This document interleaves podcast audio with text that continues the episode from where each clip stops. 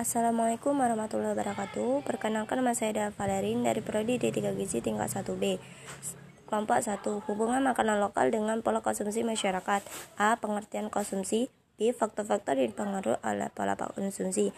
Panganan lokal adalah makanan pokok yang telah menjadi subtisu bertujuan untuk mengetahui pola konsumsi dan faktor-faktor yang dipengaruhi konsumsi. Pengertian konsumsi. Konsumsi adalah Konsumsi merupakan bagian yang terpisah dari kegiatan ekonomi yang dilakukan manusia. Manusia selalu membeli sesuatu kebutuhan, baik berupa barang ataupun jasa. Konsumsi atau pengeluaran konsumsi pribadi adalah pengeluaran oleh rumah tangga atau barang dan jasa. Konsumsi juga merupakan pembelanjaan barang dan jasa oleh rumah tangga berupa misalnya meja, kursi, motor, dan lainnya. Tujuan kegiatan konsumsi Terdapat beberapa tujuan konsumsi yang dilakukan oleh manusia, di antara lain memanfaatkan nilai guna barang. Misalnya ada dua, barang sekaligus, barang yang nilai gunanya habis sekaligus, misalnya makan dan minuman.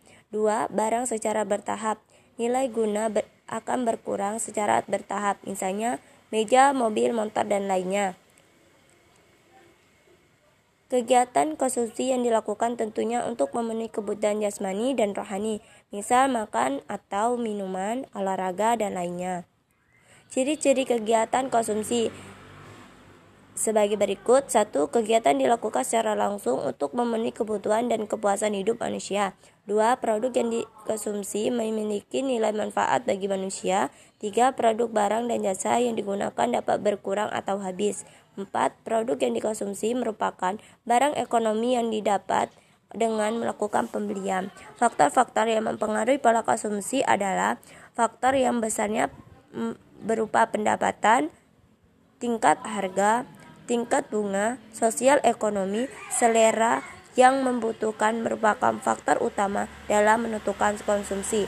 Mungkin itu yang saya jelaskan. Cukup sekian saya akhiri. Wabillahi taufiq walhidayah. Wassalamualaikum warahmatullahi wabarakatuh. Assalamualaikum warahmatullahi wabarakatuh. Perkenalkan saya Dela Valerin dari Prodi D3 Gizi tinggal 1B.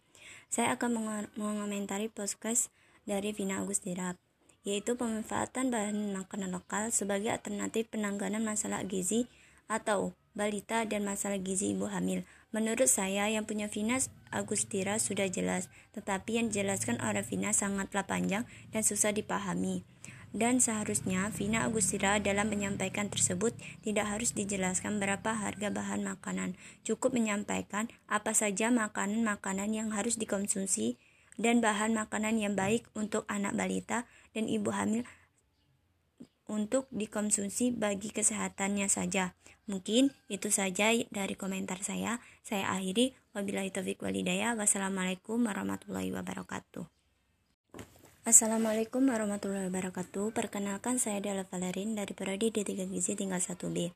Saya akan mengomentari podcast dari Vina Agus Dirap yaitu pemanfaatan bahan makanan lokal sebagai alternatif penanganan masalah gizi atau balita dan masalah gizi ibu hamil. Menurut saya yang punya Vina Agustira sudah jelas, tetapi yang dijelaskan oleh Vina sangatlah panjang dan susah dipahami.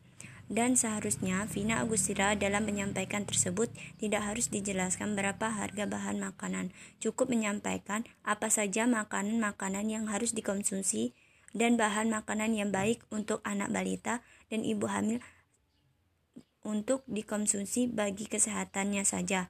Mungkin itu saja dari komentar saya. Saya akhiri. Wabillahi taufiq walhidayah. Wassalamualaikum warahmatullahi wabarakatuh.